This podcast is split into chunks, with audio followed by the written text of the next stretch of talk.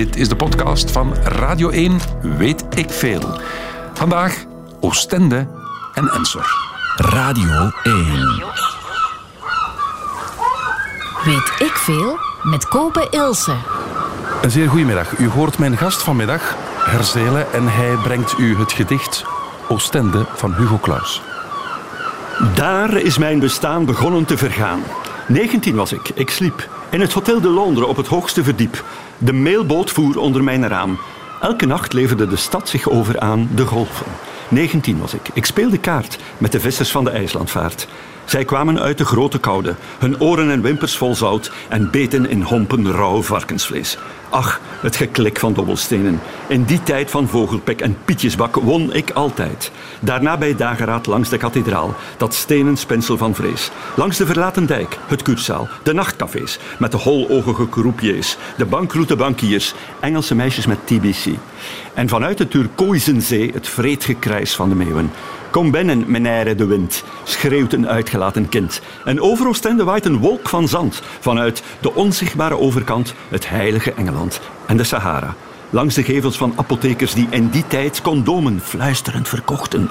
Langs de pier en de golfbrekers, de vismeier met haar zeegedrochten. De paardenrenbaan, waar ik op zondag niet meer won. Zondagen die kwamen en gingen. Nachten in het hotel van de termen, waar ik schrok van haar kermen. Zuchten, zingen, haar geluid teistert nog altijd mijn herinneringen. Andere eilanden, zeeën, woestijnen heb ik gekend. Istanbul, dat luchtkasteel. Chiang Mai met zijn landmijnen. Zanzibar in de hitte van kaneel. De trage, trage taag. Zij verdwijnen gestaag. Scherper in het licht van het noorden zie ik het kinderlijk gezicht van de meester van Oostende verdoken in zijn baard. Hij was van kraakbeen, toen van was, nu in brons. Het brons waarin hij glimlacht om zijn morsdode jeugd. Dit is Weet ik Veel, een uur lang over Oostende. Fijn dat u luistert. Zeer welkom. Trek moet je nulboy als je dwarsstraffen naar de brug toe. Voor een stak zo zei dat we dat water over in die de steven kwam van het. Hebben we daar iets van begrepen? Niet echt. Het Oostense, het is iets heel speciaals. En daar gaat het vandaag over met Herzelen. Mag ik zeggen, ervaringsdeskundige, als we Ja, het over absoluut. een stad hebben? Wat moet ik zeggen, ik kan er ook niks van verstaan, want ik kan mijn koptelefoon niet op. Zet hem nog eens op, Was het, was. Ja, maar nee, maar moet, ik- moet ik het vertalen? Nee, nee, het is niet nodig. Eh, Jawel, want de mensen willen nu graag Allee, weten wat het was. ik probeer ga het eerst snel nog eens. Ja, laat het nog een keer. Heb je hem opstaan? Ja. ja. Trek moet je nulboy als je dwarsstraffen naar de brug toe. Voor een stak de zo zei dat dat water over in die de steven kwam van het schip. hè. Oei, oei. Nee, het, is, moeilijk. Trek, trek maar je boy aan of zo, ik weet het niet. Trek maar je pullover aan. Nee, ik snap het ook niet volledig. Het- we Het, hebben is een- ongelooflijk eh, plat. Hè. Hij, kon, Ja. hij was eigenlijk tweetalig. Ik denk dat hij vooral Franstalig was. Maar dit is een visser. Dit is een Ah, dat visser. is een vesser, dat is Ensor niet. Hè. Nee, dat is heel plat. Hè, dat, hè. Je zegt, Ja, trek je maar- waterdichte trui en zuidwester aan. We gaan op de brug. Als het schip stekte, sloeg het water over de steven Ah, heen. ja, trek maar je waterdichte boy aan en je was... ik versta het, ik wist niet dat de Oostens zo plat was. Nee, veel vissers zijn er niet meer, hè, trouwens. Nee, Nee, dat is zo. enorm verminderd. Maar daar gaan we het straks misschien over hebben. hè. Misschien wel, we zien wel. Ja.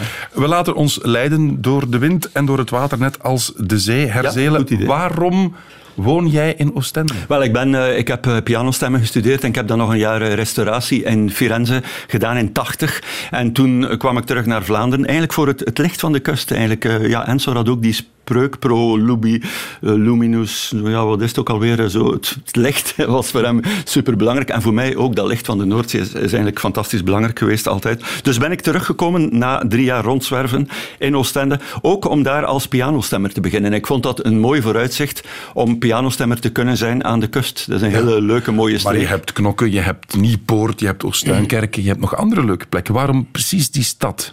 Wel, eh, omdat, omdat mijn eh daar woonde, mijn grootmoeder eigenlijk. Mijn, mijn grootvader is onthoofd in de Tweede Wereldoorlog. En mijn, moeder, mijn grootmoeder had dus een hele moeilijke tijd in Torhout, waar, we, waar ik vandaan kom, eh, in de oorlog. Op een zolderkamertje moeten wonen, een beetje verguisd geweest tijdens de oorlog. En toen wilde ze niet meer in Torhout wonen. Toen is ze naar Oostende gekomen. Dus hadden wij een huis gekocht, mijn ouders, in de Uffers in Bernhardstraat. Eerst nog in de Peter Benoitstraat, waar ook eh Spiljaard woonde. Maar dan later in de Uffers in Bernhardstraat. En dat is een beetje het oude ouderlijke, tweede ouderlijke huis geworden eigenlijk. En daar ben ik dan aangeland als pianostemmer. Ik heb de eerste maand eh, één piano gestemd. Ik had eh, Oei. oh, 700 frank verdiend. Dat was, ja, wat is dat, 20 euro of iets- nog iets minder of zo. Dus de business was niet echt... Nee, maar ik ben toen ook begonnen met Cowboy Henk. En Cowboy Henk, dat was eh, 500 Ah, ja. frank per dag. Ja, dat maakten we met Kama voor de morgen. En dat was ongeveer eh 12 euro per dag verdiende ik dan. Daar Dus je kon ik komt, van leven. Je komt toe in Oostende. Had je er onmiddellijk een klik mee? Of eerder gaat Ja, ja, nee, nee, toch wel. Toch wel eh, absoluut dol op Oostende. En ik denk eh, het feit dat het een beetje borderline is, het ligt op de grens. Eh, ook als je eigenlijk denkt aan James Ensor, hij maakt ook een soort borderline kunst. Eigenlijk wordt dat nu outsider art genoemd. Want Ensor wordt eigenlijk nooit geduid. Maar wat is het? Het is outsider art. Hij heeft ook een, een meer normaler parcours. Heeft hij ook zijn stilleven, zijn landschappen zijn veel normaler. Die zijn in navolging met, van Courbet met paletmes gemaakt. Maar daarnaast doet hij die maskers, dat hele vreemde thema. In feite is dat een kunst gemaakt door een krankzinnige paranoïde Maar leg dan de link eens met, met, met Oostende. Denk je, Oostende zorgt ervoor dat hij... Maar Oostende was, een, was sowieso een stad aan zee. Vroeger was het de Koningin der Badsteden, de Sossen, en dat veranderd naar stad en zee. Ik denk dat dat was omdat...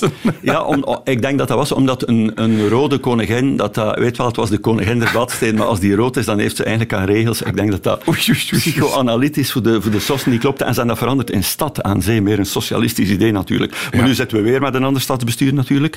Maar ehm, het was een echte stad. Het was, eh, het was eh, eigenlijk ook wel in de punktijd. Het was in 80, nu de punk is eh, misschien in 78 al een klein beetje doodgebloed. Maar eh, ik en vrienden, Kama en, en dan nog eh, een paar eh, dichte vrienden die ik had in Oostende, wij waren wel absoluut zot van ja, het, het alternatieve. En Oostende was die grote stad. Brugge had dat ook wel een beetje, maar Brugge, eh, Brugge eh, die, hoe heeft Georges Rodenbach het ook alweer genoemd? Eh Bruges la Morte. Ja. Brugge was eigenlijk in de 19e eeuw, heeft men daar niet aangekomen. Hè. Dat was een dode, dat was een soort, eh, dat had onder een stolp gestaan. En dat is nu het grote succes van Brugge, dat daar niks aan veranderd is, dat niks kapot is gegaan. Maar in die tijd is Oostende gegroeid. Vanaf 1840 is dat een immense stad geworden. De, Leopold II heeft die wallen weggedaan, en dat is immens urbanistisch uitgebouwd. Dus Oostende zat in die sfeer, denk ik, die grootstedelijke sfeer. Die decadentie trok ons enorm aan. En natuurlijk, ik denk ook sowieso de Lange Straat in Oostende is gewoon een formidabel. Ik denk dat dat een van de beste uitgangsbuurten ter wereld is. Maar of, hè, En het is eigenlijk heel vreemd, want volgens mij heeft het stadsbestuur daar geen visie op. Eigenlijk zou dat moeten een soort ambassadeurschap van Vlaanderen zijn. Ja, nee, het Overdrijf je dat zijn toch vijf cafés. Ja, het zijn, eh, het zijn een paar cafés, maar het zijn ongelooflijk... En een goed frituur. Ik ga een slokje water drinken. het is omdat ik koffie drink. Eh, frituren, ja. Waarom zeg je dat de Lange Straat de beste uitgangsbuurt ter wereld is? Dat wordt gezegd. Is dat ik heb dat nog in kranten gelezen ook, ja, voor Oudjaarsavond. Dat is heel vreemd. Dat is een mysterie waarom dat blijft. En ik ben verleden week nog geweest. En het is ongelooflijk. Je gaat uit op ja, in het weekend of in de week. Elke dag van het jaar. Je kunt daaruit gaan tot vier uur 's ochtends. En de ambiance is ja, onvergelijkbaar. In? Brussel heb je dat niet. Je hebt Heet een beetje de Archiduc en misschien nog wat alternatieve cafés. Maar in Brussel wordt veel gepraat hè, op café. Praatcafés. Hè. Maar Oostende Oostende is anders. Nee, en in Oostende kan je bijvoorbeeld aankloppen bij iemand. Mensen gaan open doen. In Brussel wordt dat niet gedaan. Hoe heet nu weer het café, het bekendste café, zo wat jazz... Eh, de, de Lafayette. De of, ja. Of aan de overkant de, de, de meer bluesrock. eh verdomme, ik kan er nu niet op komen, noemt dat. Zeer goed allemaal, maar de Lafayette is, is een mysterie, het is fantastisch. Hè. Ja. Maar daarnaast, vroeger, eh, eh, was de Sloopies en dat was de place to be. En De Sloopies. De Sloopies, hè, ja, daar kwam Marvin Gaye. Oké. Maar daar gaan we het misschien straks nog over hebben. We allemaal een beetje er nog over te te gooien, ik weet niet. Ja.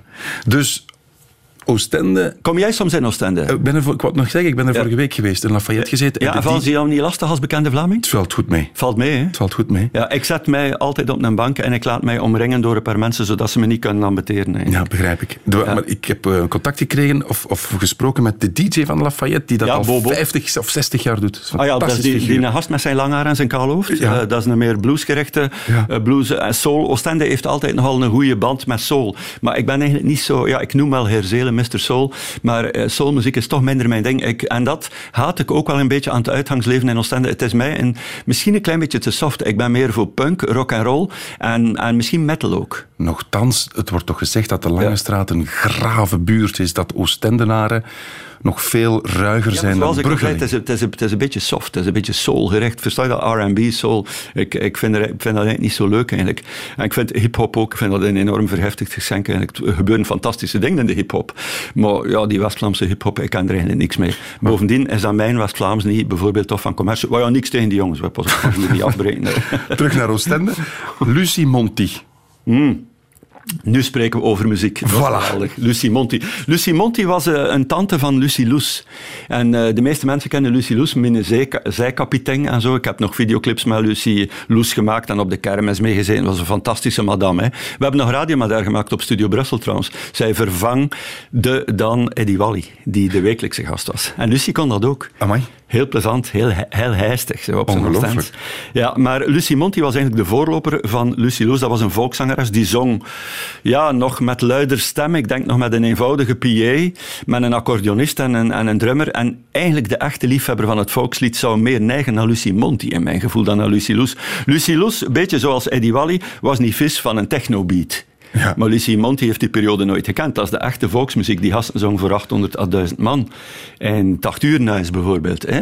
Eh, of, op, eh, of op een pling. Maar ja, bijvoorbeeld de Paulusfeesten bestond nog niet. Het was een heel andere tijd. Eh, het is geweldig. Ik heb die platen. Dat noemt hier Spreek men of Stens. Daar komt jouw keuze uit, denk Die, ik. die ves, Vescher, hoe moet ik het zeggen? Die Visser? Die Vescher. Vescher, ja. Vescher zijn zijn Oostende. Oké, ja. voilà, hier komt ze. Lucie Monti, die Vescher. Vescher. Dank je wel. Die vescher van min heb ik zo haren gezien. Ja, mijn leven voor altijd gemaakt. Ja, die vescher van min, ja, had ook veel opgezien. Met zijn schep, met zee en met min. Ja, ze velger is scherp en door kan getrotseerd. Ja, gevochten op leven en dood. Ja, de zeewolf gezien, ja, veel zeer moeten lien.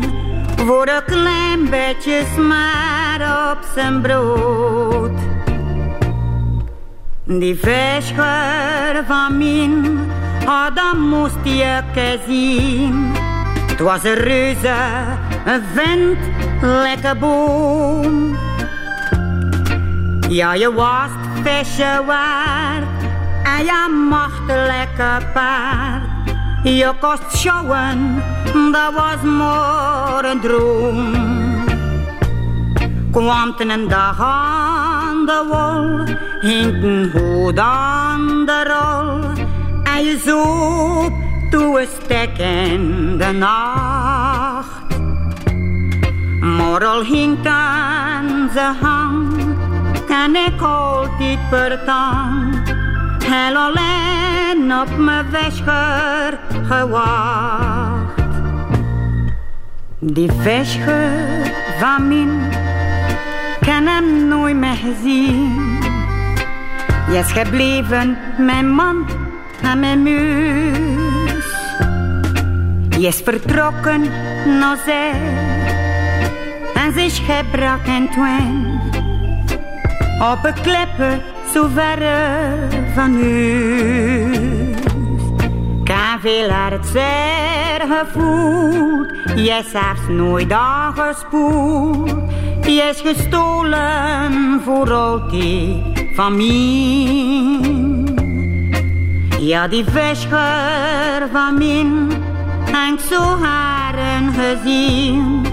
Och, het is waar, veel te haren misschien. Ja, zeg, Herzelen, dat is een triestig nummer eigenlijk, hè, van Lucie Monti. Een lach en een traan, het is fantastisch. Hè? Want eh, maar ze- ik denk dat we wel luisteraars aan het verliezen zijn. Wacht, gaan we een keer iets anders draaien? Denk je, ja, ik zal... Radio 1. Weet ik veel? In Oostende zijn we ook, niet wok. Wok is een Chinese bruidpan, dat je hier in, in, in een Chinese restaurant. Het gaat over Oostende vandaag met, ja, Oostendenaar, mag ik, mag ik dat zeggen, Herzelen? Ja, ja, tuurlijk.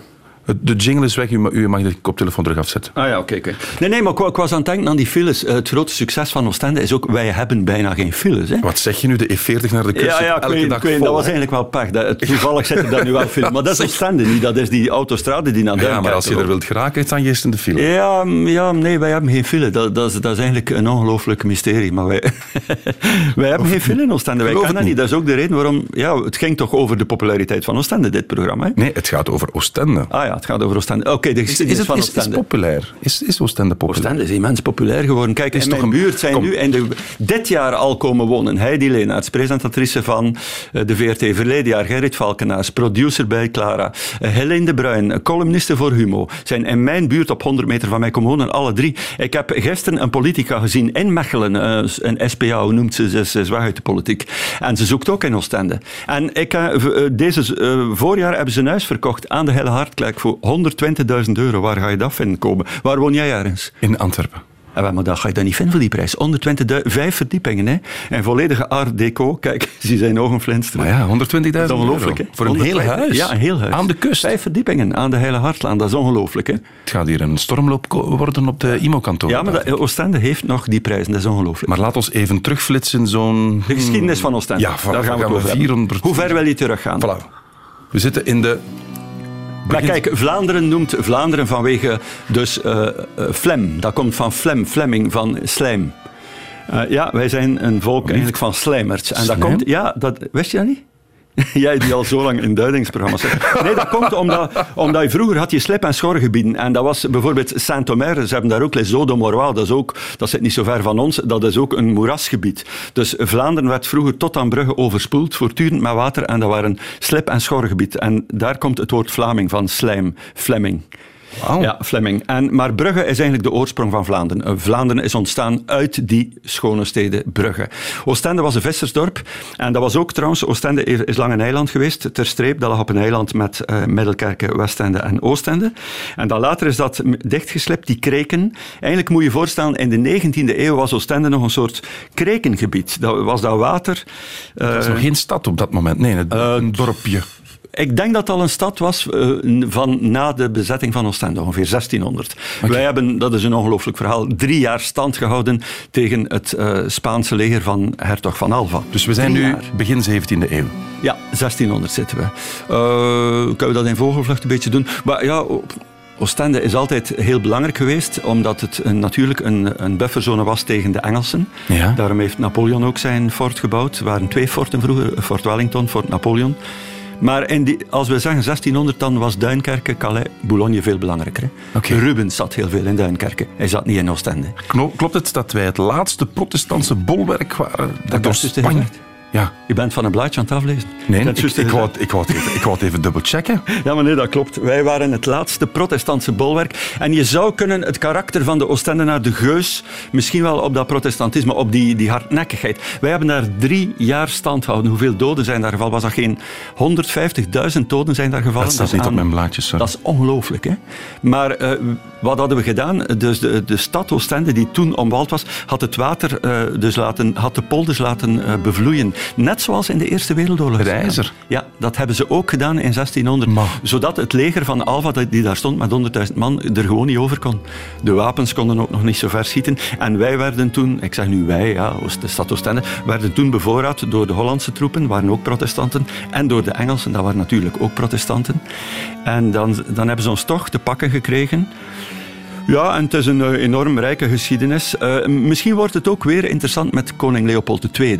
Dan zijn we... De grote urbanist. Ja. Eigenlijk, als we kijken naar het Oostende van vandaag, al de grote gebouwen heeft hij, hij eigenlijk min of meer De ontworpen. renbaan, denk ik dan De onmiddellijk. Thermae Palace. Thermaepal is ook in essentie wel. Dat is wel geopend door Albert, onze koning, in 33 of in 34.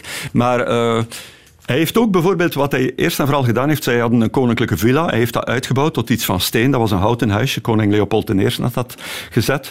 En hij heeft dan een straat gebouwd naar- die naar het stad loopt. En dat is de Koningsstraat. Die bestaat nog altijd, hè, de Ja. Koningsstraat. En dan heeft hij daar haaks op de Koninginnenlaan. En die liep naar het park. Dus de vrouw, het park, de natuur, de koning, de stad. Ah, mooi. Ja, dat is mooi toch? Hè? Dat is- En de ja. Koninglaan is toch, als je die, oh, Koninginnenlaan, als je die afrijdt, kom je aan het Cursaal. Hè? Dat is toch de grote laan? Nee, dat, is de, dat is de Koningsstraat. Ah ja, oké. Ja, hij wilde eigenlijk, zat hij niet meer in Oostende. Hij zat namelijk in de Koninklijke Villa. Dat was buiten de wallen van Oostende vroeger. Maar hij wilde als het ware kunnen kijken naar, naar, eh, naar de stad, naar Oostende. Maar die gast was zot van, en al onze Engelse, eh, al onze koningen zijn altijd zot geweest van Oostende. Dat komt omdat onze eerste koning uit Oostende, hij had in de krant gelezen, klein landje zoekt koning. Hij, zegt, ja, dat is iets voor mij. Hij had al geprobeerd om koning te worden van Rusland. Hè. Koning Leopold I. Ja. En dan was hij via de pannen naar ons gekomen. Ja, dat kan. En eh, ze zijn altijd dol geweest op, eh, op dat Engels. Eh, Leopold II sprak perfect Engels. Hij las bijvoorbeeld de Engelse kranten, die kwamen toe met een boot. Die werden gestreken voor hem, met een strijkijzer. Hij was enorm bang van microben. En hij las de krant op het strand, op een stoel. Daar bestaan foto's van. Naast hem staat een soort eh, flik. En hij zit op een stoel de krant lezen. En daar staan zo wat mensen. Nu, eh, ik denk, moest jij dat doen, Kobe, gaan er ook wat mensen staan kijken. Kijk, Kobe Ilsen zit de krant lezen op een stoel. Niet te veel volk, niet te veel, denk ik. Nee, te maar dat was, niet, dat was niet immens. Daar staat gewoon vijf man en een paardenkop staan naar hem te kijken. Dus het stond in de sterren geschreven dat Oostende een koninklijke stad werd. Het was, het was van bij het begin een plek waar koningen zich toe aangetrokken Ja. voelden, als ik het goed begrijp. Ja, het is, eigenlijk- het is eigenlijk vreemd, eh, want ehm, ja, ik, ik denk dat Oostende ook groot geworden is door die, ehm, door die as Engeland-Wenen. hè, want de boot, de maalboot toen kwam aan in Oostende. Hij had ook natuurlijk Calais of Boulogne kunnen pakken, maar ik denk dat, dat de infrastructuur in Frankrijk door Noord-Frankrijk niet zo goed was. Wij hadden een fantastische infrastructuur. De eerste spoorlijn van het vasteland hebben wij, Mechelen. Hè. Eh, we hebben de eerste tramlijn ter wereld, is Oostende-Middelkerken trouwens. Dat is dan die, eh, die, eigenlijk die spoorlijn die haaks op ons trein. In feite zijn wij, en Rem Koolhaas, de grote architect, heeft dat gezegd, een transitland. Wij zijn een land met een zeer goed eh, wegennetwerk. In feite eh, sluit het zeer goed aan op jouw fileberichtgeving van daarnet. Ja. Wij zijn gedoemd om files te hebben. We hebben een veel te groot eh, netwerk in België. Ik zou eigenlijk, zoals in Frankrijk, ik zou peage invoeren, direct. Ik zou niet wachten op, op politici. Politici krijgen dat niet verkocht. Maar dat is begon- toch te gek voor woorden? Waarom hebben we geen peagesysteem? Het begon als een aflevering over Oostende en we zijn over rekeningrijden bezig. Dat is toch belachelijk? Ik bedoel, al die Poolse truckers zitten op onze baan. Die, die pakken dan inderdaad, die gaan nu gelukkig in de file staan. Maar dat is ook niet goed voor ons milieu. En ja, Beke gaan die nu in de file staan. Maar we zijn een, een, een transitland. Herzelen, Ik-. Ik, ik, ik denk dat dat een klein beetje een soort hoerering is eh, van ons land. Hoerering. Ja, ik weet niet of dat woord bestaat. Begrijp wat ik bedoel? Een soort... Prostitutie. Een prostitutie van ons land. We worden Bereden. Als het ware. Maar jongens toch. Even terug naar Oostende, want we zijn de geschiedenis aan het overlopen. Nee, maar het klopt wel wat ik zeg. Hè? De tweede, ja, helemaal. De Tweede Wereldoorlog, daar wil ik nog graag even over. Hebben we de bommen gezien in Oostende of niet? Ja, tuurlijk. tuurlijk. De, Want daar- de, de fantastische kurszaal van Oostende is eh, plat gebombardeerd. Eigenlijk hebben wij nu in Oostende 3% Belle Époque architectuur. Desondanks leeft in Oostende die Belle Époque geest. Enorm, Brugge ja. heeft dat niet. Wij, wij zijn de Belle Époque stad. Brugge is de middeleeuwse stad. Maar eigenlijk is, is eh, 97% is gebombardeerd. En zo'n Belle Époque huis, als daar een obus opvalt, dat is heel moeilijk om te restaureren. Want het is allemaal... eh, Ja, ja, tuurlijk. het is, het is heel complex, hè?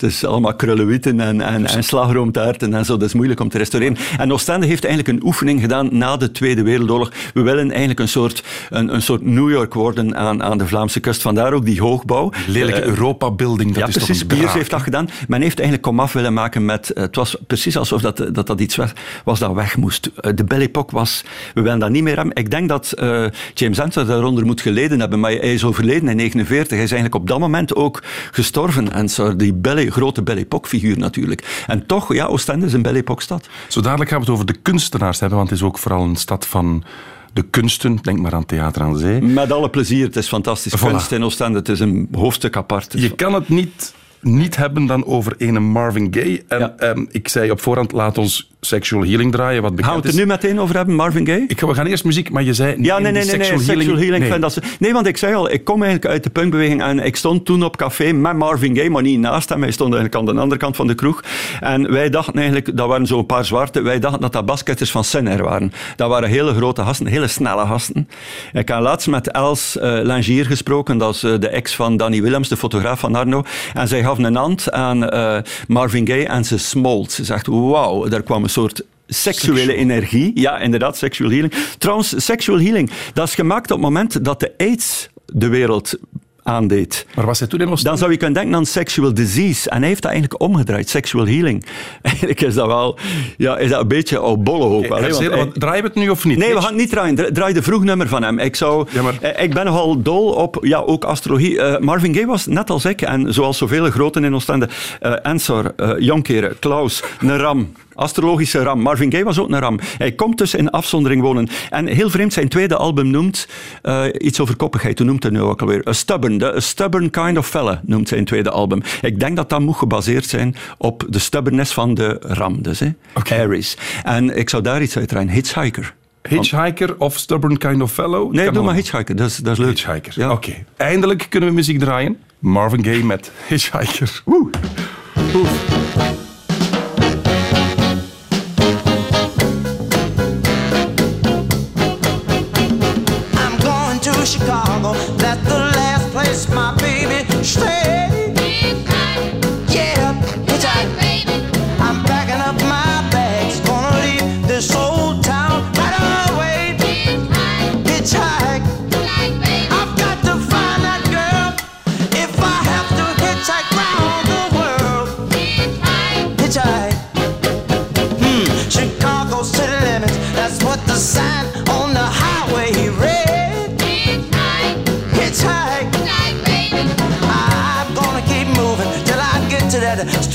music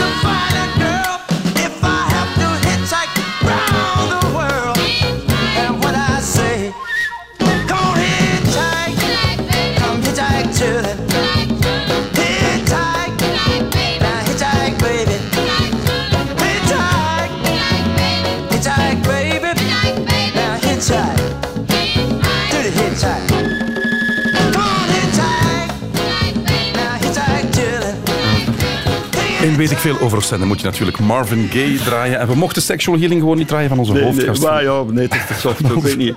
Van Herzelen. Maar toch gaan we het over gay I'm hebben. an orphan at the moment. And Ostend is my orphanage. There are places I would probably rather be, but um, I probably need to be here. Wat een softie, hè? Is dat gay?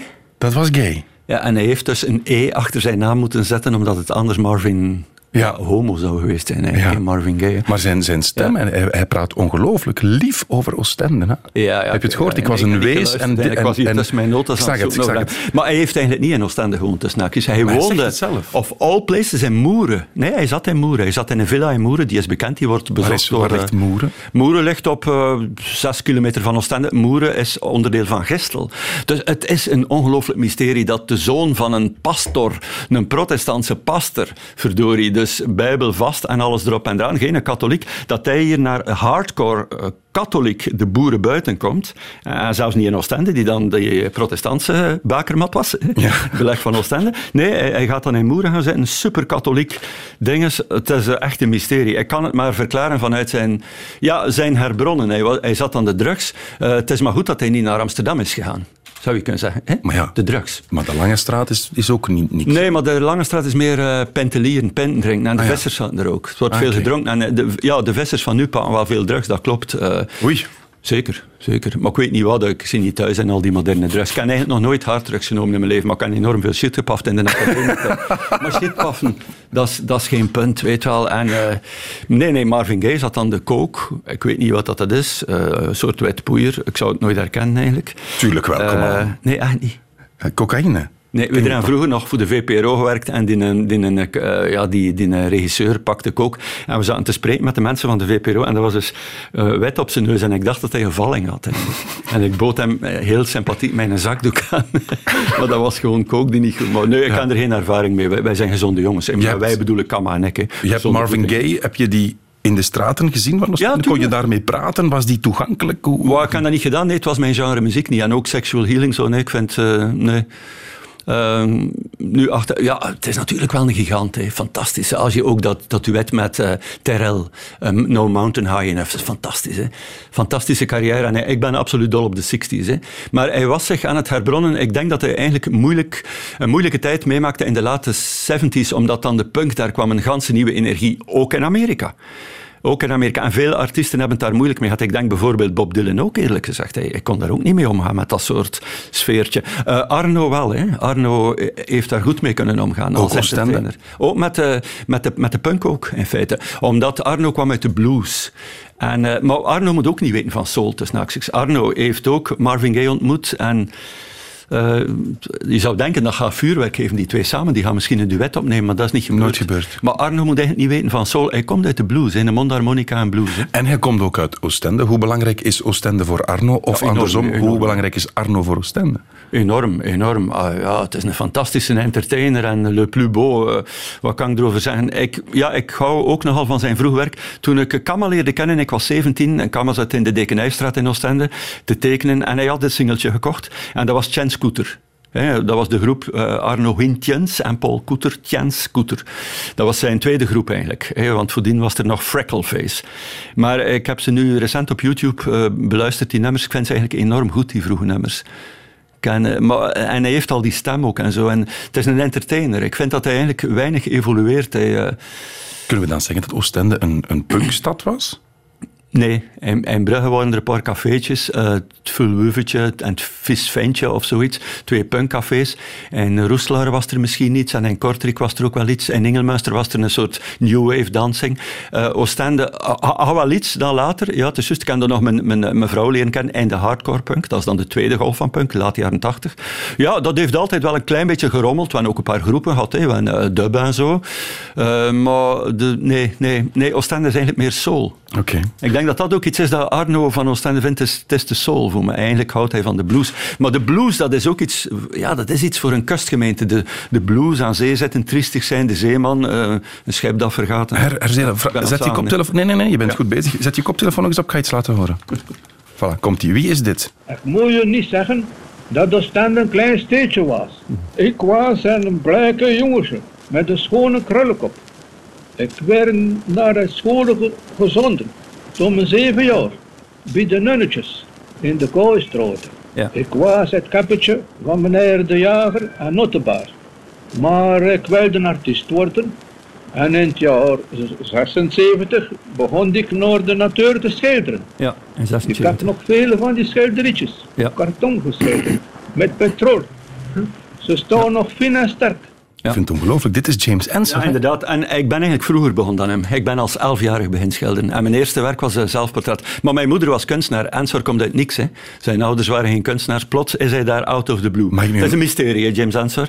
Hij is een avant-gardist puur sang. Ja. Hij is niet makkelijk te begrijpen. Niemand heeft eigenlijk ooit een goede visie van hem gemaakt. We hebben geen goede biografie van James Ensor. Hè. Is dat- nee, waar- waar een boek dat alles Waar wacht je op? Ja, nee, eh, Xavier Tricot zou dat moeten maken. Maar Xavier Tricot is een grote kenner van al de details. Hij staat ook in het heerlijke boek van Claude Blondeel, Oostende en Compagnie. Xavier Tricot, grote kenner. Hij heeft eh, dus de, eh, de complete catalogus, de catalogue raisonné uitgegeven. Hij weet er alles over. Maar ik denk, een visie is vrij moeilijk. Als we nu kijken naar de intrede van Christus, laten we dat even analyseren. Dat is een heel groot doek dat hij maakt. Zo groot als de muur van die studio hier. Ja, dat is eh, een gemakkelijk 6 meter op 3 meter. Ja, ik denk dat het iets minder was. Maar wat probeert hij te doen? Hij probeert de Prix de Rome te behalen. Dat was, dat was zo in de 19e eeuw. Tot in mijn studententijd aan de Academie van Gent probeerde je de Prix de Rome te behalen. Dat wil zeggen, je kon dan gaan studeren in de antieke wereld in Rome. De antieke wereld was eigenlijk Griekenland, maar later was het dan Rome geworden. Hè. De Grand Tour in de 18e eeuw, iedereen ging naar Rome. Dat is een enorme invloed op de kunst geweest. Men probeerde de Prix de Rome te behalen. Ensor heeft dat proberen te halen. Dus hij maakte een werk. Eerst en vooral is hij eh, in, in Brussel, heeft drie jaar in Brussel gezeten en zijn jongen vanaf 17 jaar oud ongeveer. En hij komt daar in eh, aanraking met een anarchistische familie. Meneer was rector, eh, Rousseau. ehm, Ernest Rousseau was rector van de VUB, maar anarchistisch, anticlericaal tot en met. Een echte freak eigenlijk. En hij was getrouwd met zijn pleegkind. Dat zou je nu ook niet meer mogen doen. Hè? Met Mariette Rousseau, de tweede moeder van Ensor, als het ware. En weet je, ik ken op het Vossenplein twee jaar geleden de volledige bibliotheek, nota bene, beste luisteraars, gekocht van de Rousseaus. Maar. Ja. 200 euro voor betaald. En wanneer is Ensor dan in Oostende terechtgekomen? Ja, en dat geeft een, eh, een beeld op het, eh, dus het leven van de vroege Ensor, want we weten heel weinig over de vroege Ensor. En dan, eh, als hij 20 jaar oud is, komt hij in Oostende. In 22 schildert hij de Oester Eetster. Dat is een ongelooflijk werk. Maar laat het ons even hebben over een werk dat hij ook schildert als hij nog maar 20, 30 is. De intrede van Christus. Wat zien we? We zien eigenlijk Christus, de meest belangrijke figuur, is de kleinste figuur van Hansa's schilderij. Uh, en eigenlijk is dat de, dus Christus komt op een ezeltje het nieuwe Jeruzalem binnen. Maar dat nieuwe Jeruzalem, het is precies een carnaval aan de gang. Hè? De maskers. Ja, dat zijn allemaal maskers. Maar dat, daaronder zitten dus andere mensen onder die maskers. En er hangt ook een slogan, Vive la Sociale. Heel socialistisch, anarchistische slogan hangt daar. Die gasten die dragen zijn nog zo dom niet. Het zijn arbeiders die het moeilijk hebben in de 19e eeuw. Het waren hele moeilijke tijden. Hè? De Frans-Duitse oorlog, 1870. Dus hij is zeer sociaal bewogen. Dan die maskers. Hij spot natuurlijk, ik volg eigenlijk ook de visie van. Uh, het is ook, lu, ja, nee, lumoerenwaar, daar zou ik ook iets kunnen over zeggen, want wij doen hetzelfde vak. Wij zijn kenners, wij, Kamahurk en ik, wij be, bedrijven lumoerenwaar. Mm -hmm. En dat deed Ensor ook. Dat is eigenlijk spotten met alles en vooral met ziekte, dood en seks. Ensor ook. Hè. En eigenlijk zijn dat ook de thema's van God, hè, tussen haakjes. Christus is, Christus is een God die mens is geworden crazy, surrealistisch is dat. Waar kunnen we Ensor aan het werk zien? De werken? Ja, maar er is een Ensor gedaan, museum. maar kan er niet gedaan. Uh... Ik weet het, vrienden, maar we, we, hebben, we hebben maar een beperkt aantal minuten. Oké, okay, wat was je vraag? Waar kunnen we Ensor ten volle beleven? En, uh, ja, in Antwerpen, maar het museum is gesloten, en in Brussel. Hè. Ja. Niet, niet in Oostende? Nee, wel, uh, ze hadden al zes schilderijen aangekocht rond 1900, toch wel. Daar kun je wat Ensor zien. En trouwens, de collectie van Antwerpen hangt momenteel in Oostende. Dus uh, al en daarheen zou ik zeggen. Hè. Ja. Maar nee, je moet niet zo naar kunst gaan kijken als een soort snop, een cultuur. Dat is bullshit. De meeste want uh, kijk, die visie van René Magritte vind ik eigenlijk fantastisch. In 1949 bezocht hij de grote retrospectieve van Ensor. En hij zegt, ik haat het, die mensen die nu zo serieus kijken naar Ensor. Ensor heeft eigenlijk niet anders gedaan dan lachen met kaakslagen uitgedeeld. was een punk avant la lettre, eerlijk gezegd. Hè. Ja. En dan is het heel ongepast om daar met een serieus naar te kijken. Nee, je moet, je, moet er, je moet het toch wel een beetje intellectueel benaderen. Ik vind dat een goede benadering. Ik ben, ik ben er niet vis van. We gaan hem nog eens aan het woord laten. Er liepen rare typen in Oostende. Vele venters en wubbers. Hier enige namen. Ja? Jantje Adams, Zwin Barlet, Pietje de Klinker, Schele Sissen, Zotte Neugijn, Jan Paljas. En dit was zijn favoriet plekje. Hou maar op de koptelefoon, Herzeel. Ja? Dit was zijn favoriete plekje. Inderdaad, tussen Oostende en Mariakerke worden de boden kusteloos. En de liefhebbers mochten ze wentelen in ouder blote vlekkers op het strand. Dat werd genaamd Le Bain du Paradis. Ah ja, oké. Okay. Ja, dat Naaktstrand? Dat is, dat is het strand waar ik naartoe ga. Nee, dat is Naaktstrand ligt in, uh, ligt in uh, Breden, hè. In Wenduin. Hè. Nee, maar dat is eigenlijk het strand waar ik naartoe ga, recht tegenover de Thermae Palace waar hij over spreekt. Dat was blijkbaar een naaktstrand vroeger. En die man ja. heeft ook nog muziek gemaakt, daar gaan we eens naar luisteren. Ja, ja. Heel La Marche des Rotariens, geschreven door... James Ensor, wist hij dat hij muziek gemaakt heeft? Nee, inderdaad. En hij was beïnvloed door uh, Erik Satie. Hij kende zijn Pappenheimers wel. Hij wist dat... ja, ja, absoluut.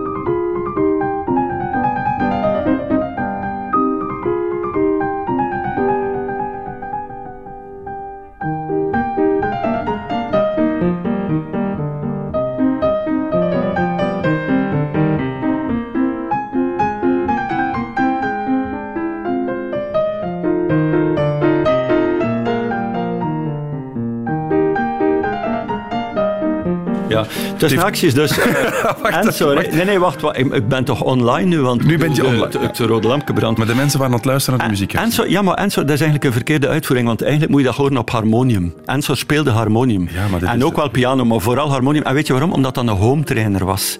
Voor de kunstenaar, de schilder, zit enorm veel stil. Onbewogen, acht uur.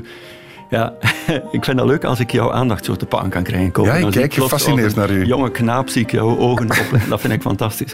En ja, dat, eigenlijk een home trainer voor de schilder. Dat was een fantastisch idee. Maar- Ja, ja, tuurlijk. Je moet trappen op die pedalen van dat harmonium voortdurend. Ah, oké. Nee, maar stel eens een vraag, doe eens. De kunstenaars van Oostende, daar hadden we het over. Wat ik niet wist, Jacques Brel heeft, is eigenlijk ook een stuk Oostendenaar. Heeft er gewoond. Ik ken tal van mensen die Brel goed gekend hebben in Oostende, met hem gepraat hebben. Hij heeft drie jaar in Mariakerke gewoond, of all places. Is dat officieel Oostende? Of... Ja, ja, ja, ja. Nee, dat is al Ja. heel lang Oostende. Dat, dat is eigenlijk, eh, maar het is toch anders. Het is minder hoogbouw namelijk. Maar aan, aan de zeedijk dan wel weer. Maar ik heb van een buurman van me gehoord, hij zag Brel met zijn familie, dat waren, dacht ik, twee kinderen, twee of drie kinderen en zijn vrouw.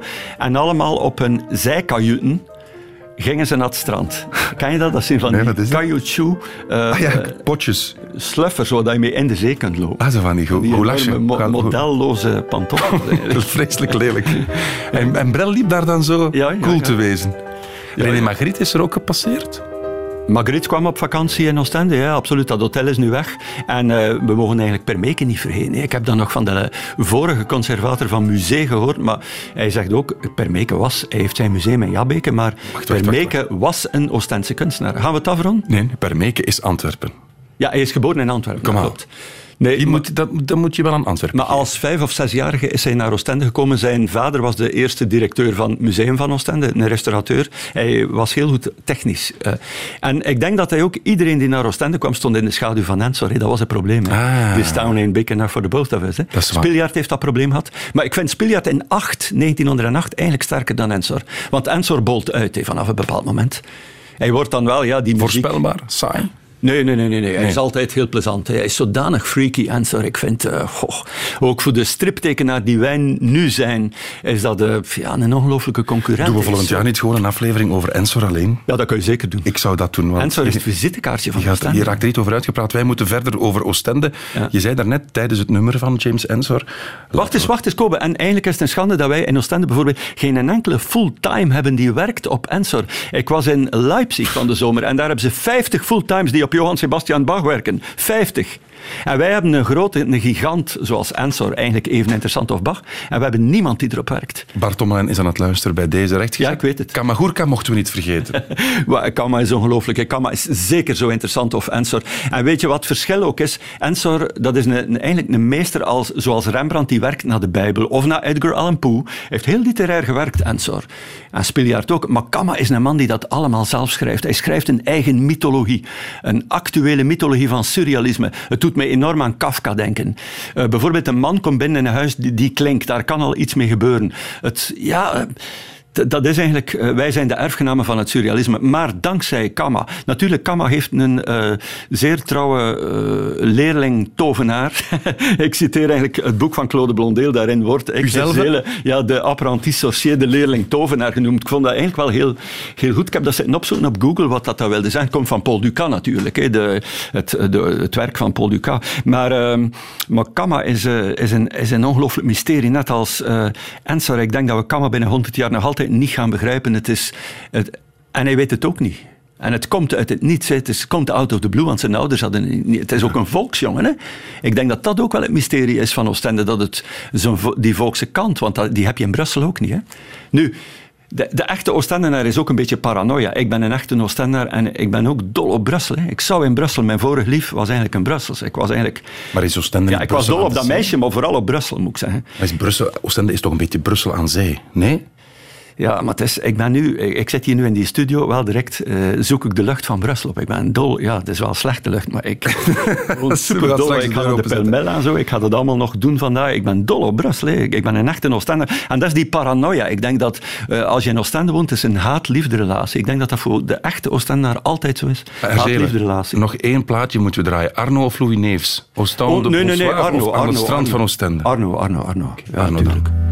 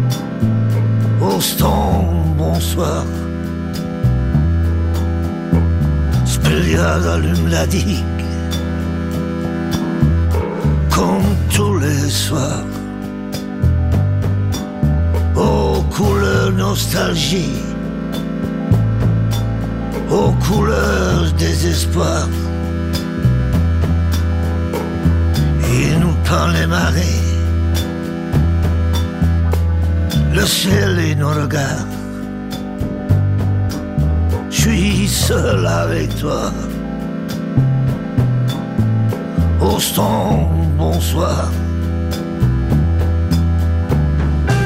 Wel, in feite is dat niet mijn absolute... Nee, sorry, dat ik eventjes tussendoor kom. slagen er Maar in feite is dat niet mijn absolute favoriete Arno. Als hij probeert de grote chansonnier niet te zijn à la Brel of à la dat werkt niet. Austin de Bonsoir, daarom draai ik Ja, maar o- wat is het sterke punt van Arno? Ik denk dat dat een immense entertainer is. Lees zijn interviews, is grappig. Maar ook zijn zelfkennis. Hij heeft een album van zichzelf Charlatan genoemd. Ik vind dat ijzersterk Mhm. dat hij erop gekomen is. En hij, bijvoorbeeld die spreuk van hem, kan een kleintje mok schieten verre. Eh, ik zou dat dus niet durven zeggen, eerlijk gezegd. Zoiets. Allee, je, je, je gaat al zeggen dat je klein geschapen bent. Maar nu, ik hoef dat ook natuurlijk niet te zeggen. Ja.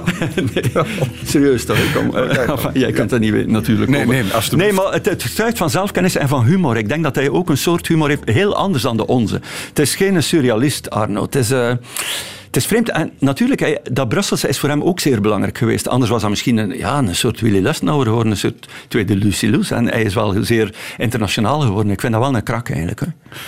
En hij is dol op mij. Hè. Al- ja, is het waar? Arno is dol op mij. Wij allemaal herzelen. Ik kan hier, ja, dank u, ik ben zeer eh, grote aaibaarheidsfactor. Hè. Enorm, enorm. Maar ik vind dat jij nu ook zeer meevalt. Vroeger dacht ik zo, ja, al die snelle gasten op tv.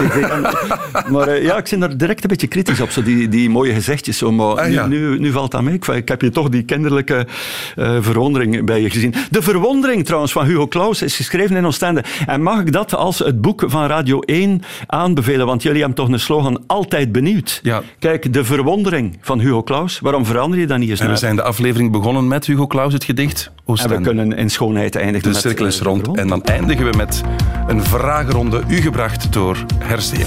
Wat betekent eh, Fleming? Eh, slijm. En daaruit klopt, is. Vlaanderen Wie was de grote wacht, wacht, urbanist? rustig, rustig. Ja, maar nee, maar ik moest het snel doen. Ja, kijk. ja, het is goed. Ja. Wie was de grote urbanist van Oostende? 19e eeuw. Leopold II natuurlijk. Zeer goed. Ja, oké.